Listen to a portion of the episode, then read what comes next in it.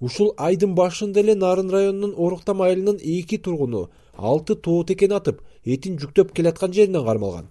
Аларга өкмөт алты жүз миң сом айып салды. Ушундай эле факт өткөн айда ат башта да катталган ал жерден да бир тоо текени мыйзамсыз бутага алган деп ошол эле райондун тургуну кармалган. Ошентип кармалгандардын дээрлик баардыгы карапайым адамдар. Бул тууралуу нарын районунун кара кужур аймагындагы малчы бактыбек саалаев ой бөлүштү. Тышкырыга чыгабыз кийикке деле чыгабыз эми акыркы убакыт штрафтар көбөйгөнү көп деле чыкпай калдык охотага анткени могу штрафтар көбөйүп э, өзгөчө ушул карапайым эл деле баса калып атпайбы.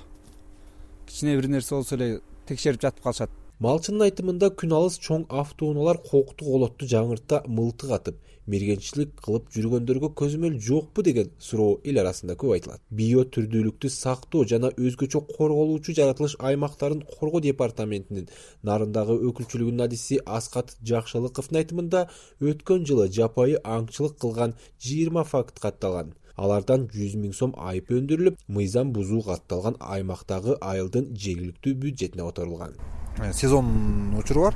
Бул кыргыз республикасынын аңчылык эрежесинде жазылган. Кайсы жаныбардын э, атуу мөөнөтү э, кайсы убакыт экенин ошого ылайык. Мергенчилер жана балыкчылар коомунан жолдомо сатып алат. Жолдомонун эки түрү болот. Бул сезондук жолдомо болот жана бир жолку жолдомо болот. Күнүмдүк норма бар. Бул беш баштан ашпаш керек.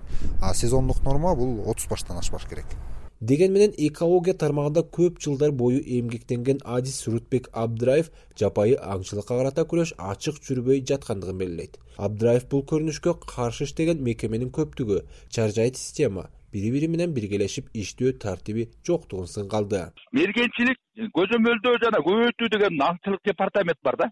Ошол аңчылыкты регистрация ошого кылат. Келген чет элдикти ошол регистрациялайт. Э, лицензияны ошол берет анан кайра ошол өзү барып көзөмөлдөйт эйланайын эки миң экинчи жылы кыргыз республикасында э, аябагандай чоң ажиотаж болгон кабыл алынган закон. Бул законду жокко эч ким чыгара элек. Ким лицензия берсе лицензияны берген адам көзөмөлдөөсүн деп жазылган. А бирок ал аткарылган жок да аны аттап кетип атпайбызбы ошон үчүн айтып атпаймынбы жана коомдук уюмга беребиз жөн эле тиги жарандарга берип койсо мына коргогула өзүңөр депчи. Результат болмок да мына азыр эки нарындан келип атышат дедик оруктамдан келип атышат. Э, байке мынтип көтөрүп алып баары эле лицензиясы бар баары эле жакшы дейт ал ким текшерет депчи тоолуктардын дагы бир жүрөк өйүткөн маселеси чет элдик аңчылар. Анткени нарын облусунун аймагында ушундай аңчылыкты жүргүзгөн жыйырмадан ашык уюм бар. Алардын ар бири бери дегенде эле аңчылык маалында отуз кырк кайберенди жок кылып кетишет.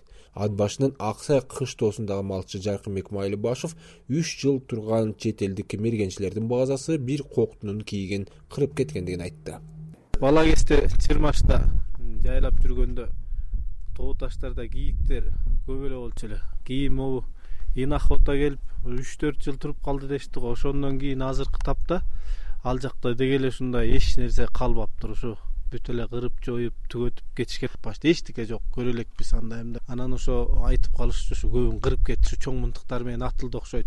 Жок болуп калды бияка азыр токтобой калды. Алардын документи бар деп коет аны эч ким сурабайт ин охота кандай келип кетти эмне ишиң да жок да алардын. Мыйзамга ылайык уруксатсыз атылган кулжага бир миллион тоо текеге жүз миң сом айып салынат. Аңчылык департаментинин маалыматы боюнча нарын облусунун аймагында он миңдей тоо теке жети миңден ашык аркар кулжа бар мирлан кадыров азаттык. Нарын